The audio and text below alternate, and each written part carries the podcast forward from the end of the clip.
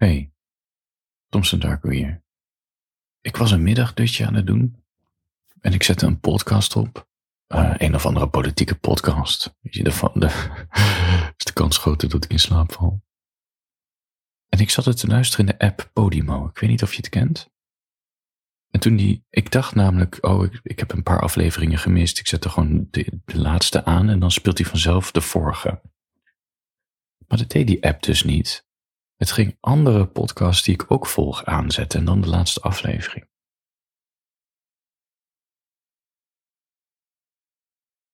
Dus ik ging van politieke podcast um, naar podcast over media. En toen hoorde ik echt een hele aantrekkelijke stem in mijn oor. Ik was bijna weggedommeld. Dat was ik zelf. Hij had mijn eigen podcast opgezet. Hoe leuk is dat? En ik zat even, ik ken Podimo-app niet zo heel goed. Ik luister het eigenlijk alleen maar voor podcast over media. En voor, voor de rest zit ik vooral op Spotify en heel soms op Apple Podcast voor de Amerikaanse podcast. Dus ik ging met mijn duim zo door, de, door mijn eigen aflevering. Nou, het viel me sowieso al op op mijn pagina. Uh, dat er iets van 400, 500 afleveringen van mij in die Podimo-app staan. En dat kan helemaal niet, want ik heb er eigenlijk tussen de 50 à 100 online staan. En alles wat ik voor 2022 heb gemaakt, die heb ik verwijderd. Uh, van het web. En ik zat er zo doorheen te scrollen en ik zag gewoon al die titels van al die afleveringen die er niet meer op staan. Ik dacht, wat is dit? Heeft Podimo soms uh, al mijn podcasts geript en het ergens op een speciale server neergezet? Lijkt me sterk. Het ging erop klikken op afleveringen en dan speelt hij dus niet af. Als je dus via Podimo naar mij luistert, kan het dus zijn dat niet alles afspeelt. Dat betekent dat die aflevering niet online staat, gewoon verwijderd is. Ik weet niet waarom Podimo mijn geschiedenis laat zien en niet update zoals Spotify doet van hé, hey, wat staat er eigenlijk online en dat laten we zien. Ja, het lijkt op een bug. Verwarrend. Als je toch nieuwsgierig wordt van al die afleveringen die je ziet, als je abonneert via petjeaf.com slash eigenlijk als je me steunt elke maand, krijg je wel toegang tot mijn gehele in slaapval archief van de afgelopen drie, vier jaar.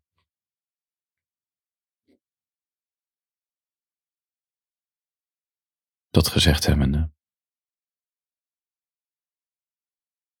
Normaal praat, ik ben Tom Narco. Normaal praat ik jou in slaap over melancholische onderwerpen. En ik kan me voorstellen dat het ook prikkelt, weet je, die verhalen die ik vertel. Ik vertel het wel rustig, maar ja, je kan natuurlijk ook heel engaged raken, geïntrigeerd raken. Dan val je dus niet in slaap. Dus ik dacht, ik doe gewoon weer een in slaapval. Uh, uh, luister dit om in slaapval aflevering. Ik ga heel lichtvoetig praten over mijn, mijn reisjes die ik heb gemaakt in de wereld. Niks wat je, wat je hoofd prikkelt, maar wel interessant genoeg om te blijven luisteren. Zodat je jezelf voor de gek kan nemen dat je uiteindelijk toch in slaap valt. Want dat is natuurlijk het idee. Je hoofd is actief, het wil nadenken. Als je niks luistert, uh, ben je overgeleefd aan je eigen gedachten. Daarom is het fijn om naar een stem te luisteren. Omdat je dan zelf niet hoeft na te denken. En het is nog fijner als je erbij in slaap valt als je in bed ligt. Dus daar ben ik voor. Oké. Voor je gaat slapen.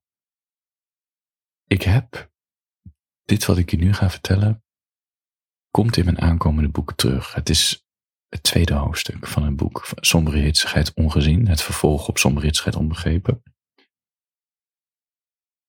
Ik wil niet zeggen dat het een letterlijke scène is, maar de setting, uh, de broeierigheid, ook een beetje de hitsigheid en ook die irritatie die ik met een vriend had, dat, is in het boek gekomen. We waren in Boedapest. En Boedapest is de hoofdstad van Hongarije. Grote stad. Volgens mij werkt bijna iedereen in Hongarije in Boedapest. Het is een stad die uh, voor, voor het ene gedeelte zie je heel erg de Ottomaanse invloed. Het is eigenlijk twee gedeelte Boeddha en Pest. Je ziet heel erg de Ottomaanse invloeden. De Oostenrijkers hebben er gezeten met Habsburgse Rijk. Um, ze stonden, laten we zeggen, aan de verkeerde kant in de Eerste Wereldoorlog. Ze hebben achter het ijzeren gordijn gezeten.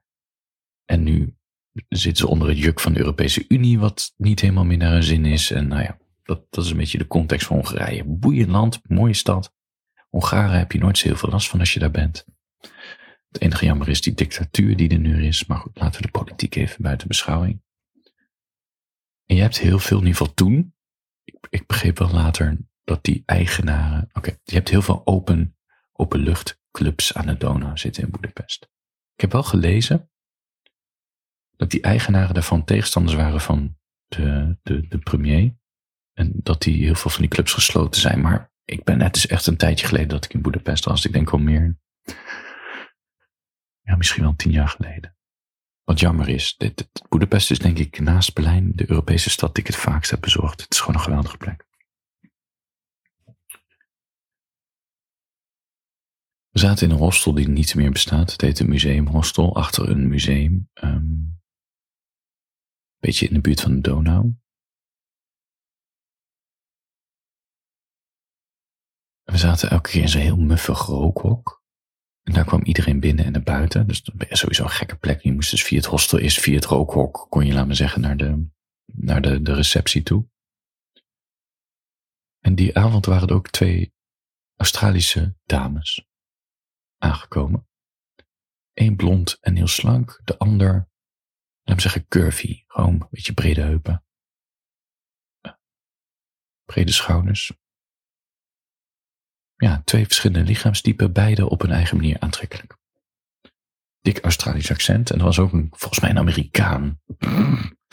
Of een Canadees, ik weet het niet meer zo goed. Ik denk een Amerikaan. Met een korte broek. Amerikaan is altijd zo gek gekleed. Maar sowieso wel bijzonder dat een, een Amerikaan gaat backpacken. Dat zie je ook niet zo heel veel. En we besloten die avond om uit te gaan. En we gingen met z'n vieren sorry, vijven, die Amerikaan ging mee. Naar zo'n open club toe. Het zat wel aan dezelfde kant van de rivier. In mijn verhaal trouwens heb ik de club naar de overkant van de rivier geplaatst. Zitten ook open, uh, open clubs. Maar dan ben ik een andere keertje geweest. Weet je, het, het fijne aan een open club is. Het is gewoon één grote tuin. En laten we daar met, een, met twee of drie, drie plekken waar een bar is. Je hebt nu een paar van die palmboompjes opgezet. En je hebt gewoon een DJ die draait. En, en het is gewoon een hele fijne sfeer. En die avond, weet je, het was allemaal perfect. De alcohol voelde goed. Ik voelde me fit. Ik voelde me lekker in mijn vel. Er kwamen goede danspasjes uit me. Zelfvertrouwen goede vriend van me voelde zich goed. We hebben lekker zitten dansen. En de curvy dame, die zat elke keer een beetje aan mijn arm te hangen, weet je. Dat ze zo met de twee handen zo mijn arm vast had. Maar ik had ook al wel snel in de gaten dat die, die Amerikaan ook wel een oogje op haar had. En zij zat ook af en toe te hangen aan die Amerikaan. Ze had, laat me zeggen, haar winstkansen verspreid. Oh ja.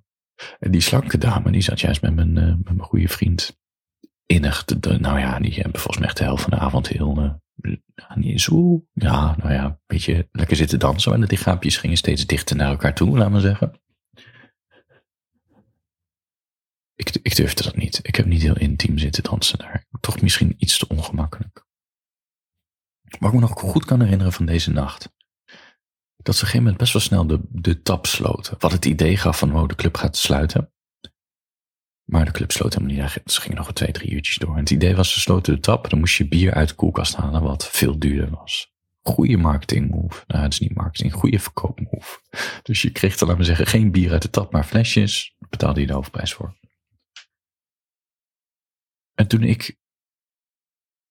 Ik stond daar in die bar te hangen. Dronken om nieuwe flesjes te fixen. Die meid, de curvy lady, kwam ook aan de bar hangen en tussen mij in kwam die Amerikaan. Die keek mij aan.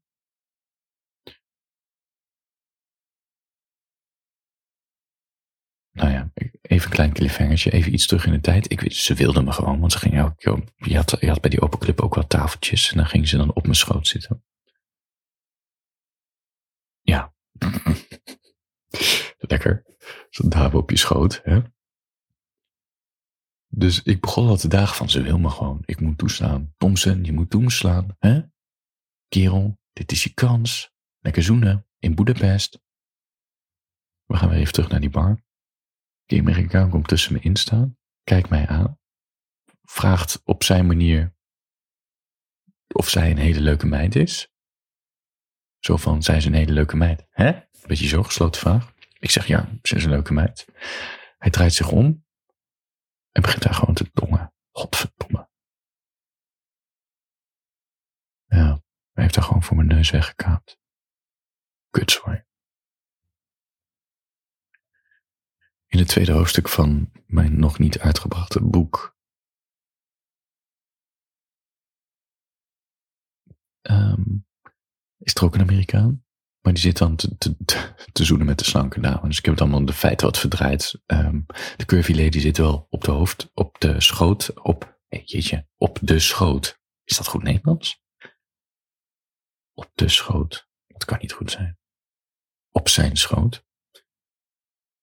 Alleen er is wat meer, wat, wat meer spanning. Er is niet echt flirten, maar de curvy lady heeft een oogje op, op de vriend van de hoofdpersoon die daar uh, in solo zit te dansen. Um,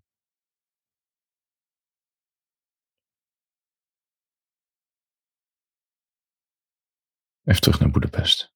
Ik baalde natuurlijk dat die Amerikaan met haar er vandoor ging. Maar goed, weet je, ik nam mijn verlies. Het was een prima avond. Ik merkte dat die vriend van me, die zat steeds inniger te dansen met die slanke dame. Die had helemaal geen oog meer voor mij. Wat ik begrijp, weet je, ik bedoel. Het is ook hitsig.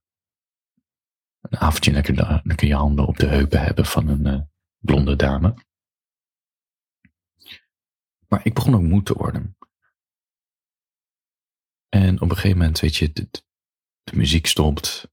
Ze beginnen met opruimen. Mensen blijven nog een beetje hangen. En, en hij zat natuurlijk, ja, een beetje hand in hand. Nou ja, zijn beide handen in haar handen.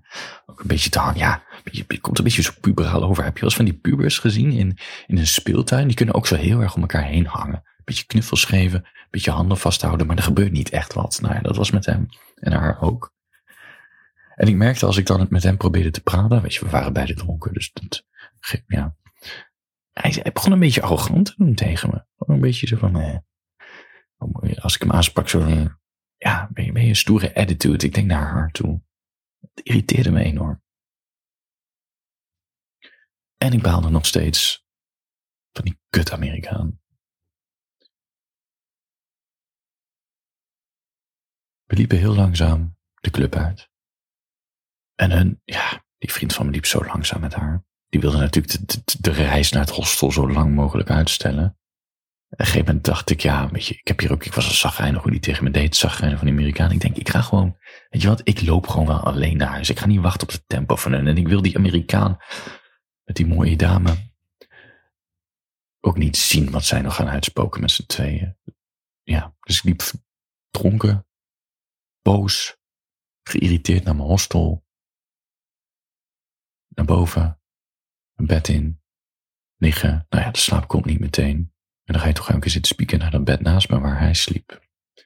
En dat bed bleef leeg. En een uur later was dat bed nog leeg. En volgens mij Sliepen die dames nou ook op onze kamer? We wisten wel waar een bed, welk bed van hem was. Ja, volgens mij sliepen ze ook op onze kamer. Die bleven ook leeg. Maar op een gegeven moment, volgens mij ben ik nog iets later in de nacht, dat ik wakker, ja, weet je, door die drank, je slaapt altijd slecht door. Je zit te boeren, je uh, zuurbrand, weet je, last van je maag. Je bent nog half dronken, alles draait, alles stolt, je, ja, je zweet veel. Sowieso als het heet. Schimmend werd ik weer wakker. En ik zag de curvy lady lag gewoon braaf, braaf in, in haar bed. Maar het bed naast me was nog steeds leeg.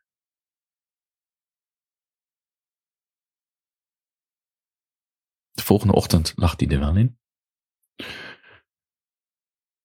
En die dames waren al vertrokken ik volgens mij, dat, zeiden ze ook al, volgens mij hadden ze een heel plan bedacht om, om, om de volgende dag te gaan doen. En nou ja, blijkbaar hadden ze wel de discipline om niet uit te slapen, ondanks de feestnacht. Het erge was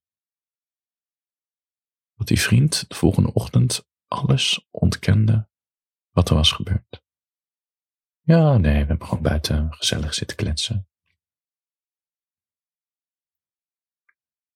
Is niks gebeurd? Nee, niks gebeurd. En ik snap het wel. Hij had nog een meisje thuis. Maar toch, weet je, we zijn daar als goede vrienden. Je zit er weken op elkaars lip. Ja. Vertel het of zo. En ik was die dag echt zagrijnig. Want niet alleen wat er was gebeurd, maar ook dat ik merkte van ja, hij zit gewoon, hij heeft me gewoon voor de gek. Je gaat mij niet vertellen dat ze de uren hebben zitten praten. Weet je, zoveel gesprekstof hadden ze ook niet. Het was gewoon broeierige hitsigheid.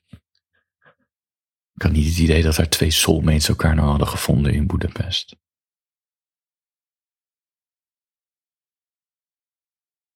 Het idee was toch wel om die twee dames weer op te zoeken. Ze zouden naar een, eh, een of ander zwembad gaan. We deden alles wandelend in Boedapest. Vraag me niet waarom, we hebben echt alles wandelend gedaan. De, we hadden ook heel weinig budget, dus we vonden het openbaar vervoer al het idee de, al vrij prijzig om in een tram daar te stappen of in de metro. En we zouden naar een ander hostel gaan. We zaten een paar dagen hier en we dachten het zou ook wel leuk zijn om aan de andere kant van de stad nog in een hostel te zitten.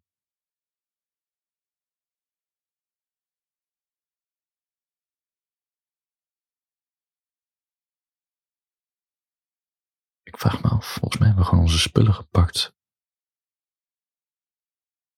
Nou ja, het was echt een rotdag. Ik weet niet eens of we onze spullen al direct bij ons hadden of...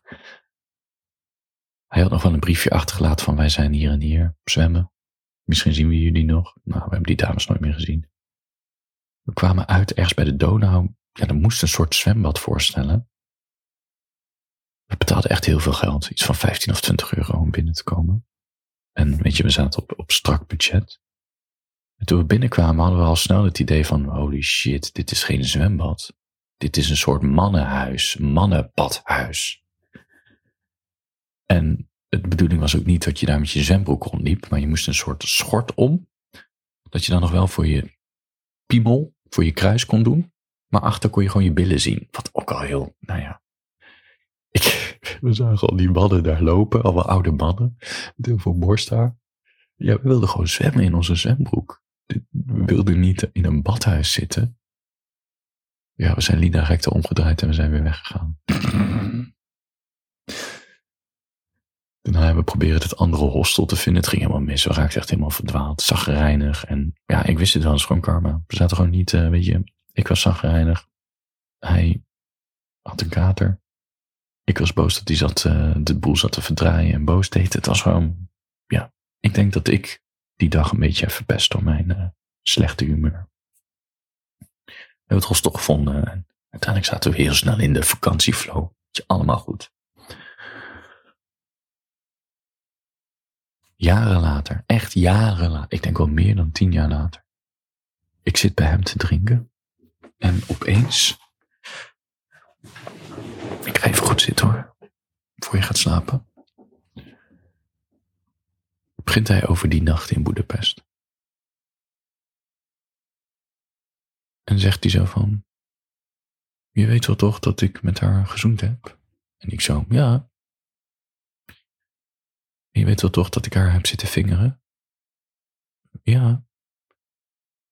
Ja, ik wou wel meer, maar daar had zij niet zo'n behoefte aan.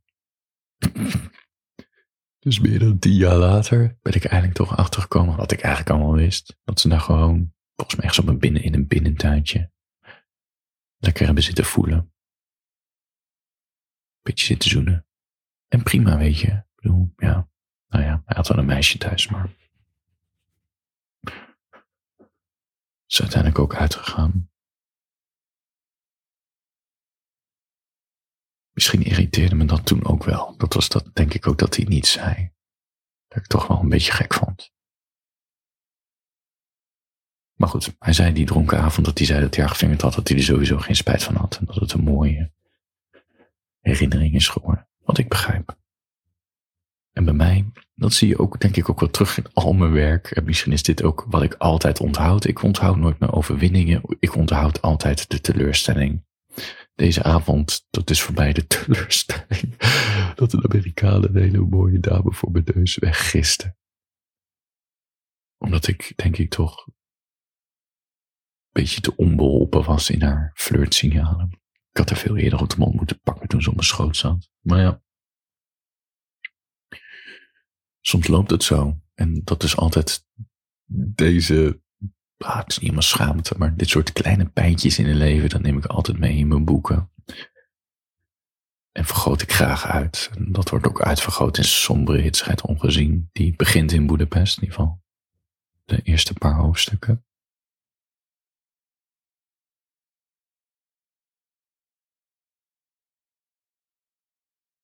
Maar de vriend van de hoofdpersoon allemaal dames aan zich weet te binden.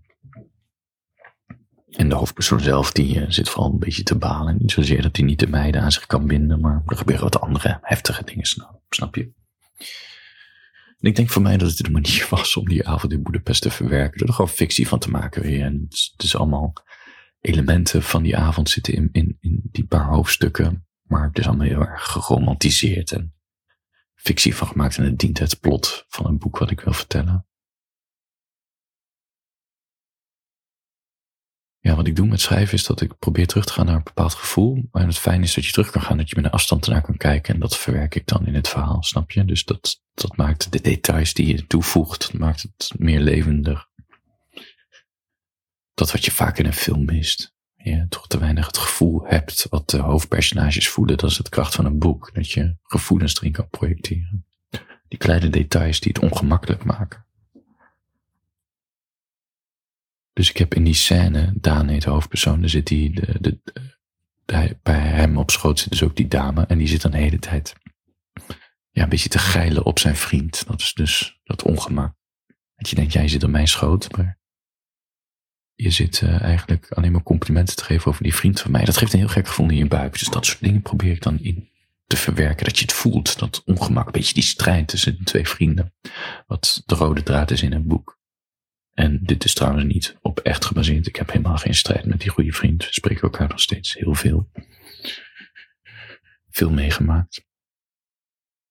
Uh, altijd als we bij elkaar zijn, dan je ook, en ook reizen, het gaat altijd goed. Weet je, het is altijd, uh, we voelen elkaar goed.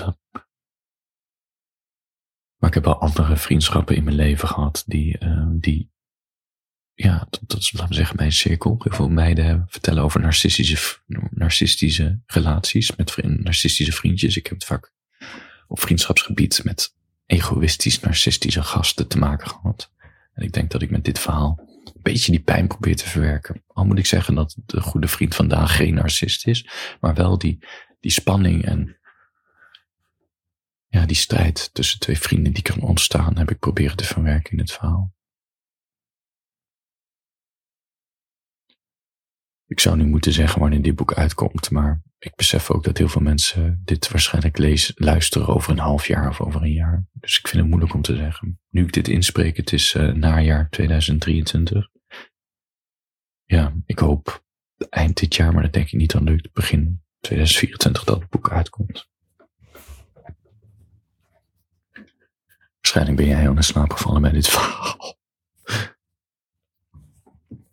Zo niet, blijf wakker met me. Steun me via petjeaf.com Darko. En er staan er heel veel afleveringen, ook speciale wakkerblijf afleveringen. Waar ik wat uh, intiemer en uh, ja, wat meer op details ga over mijn leven. Wat, wat niet voor iedereen's oren is bestemd.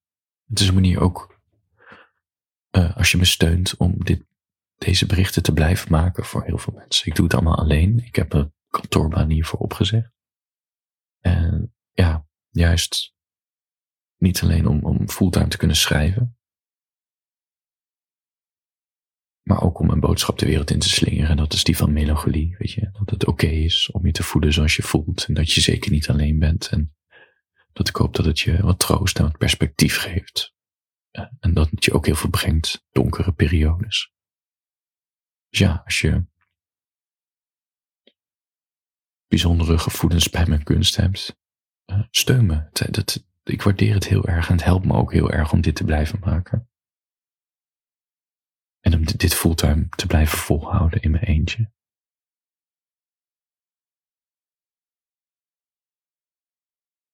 Ik doe het met veel plezier. Dankjewel. Handjes boven de tekens. Slaap lekker.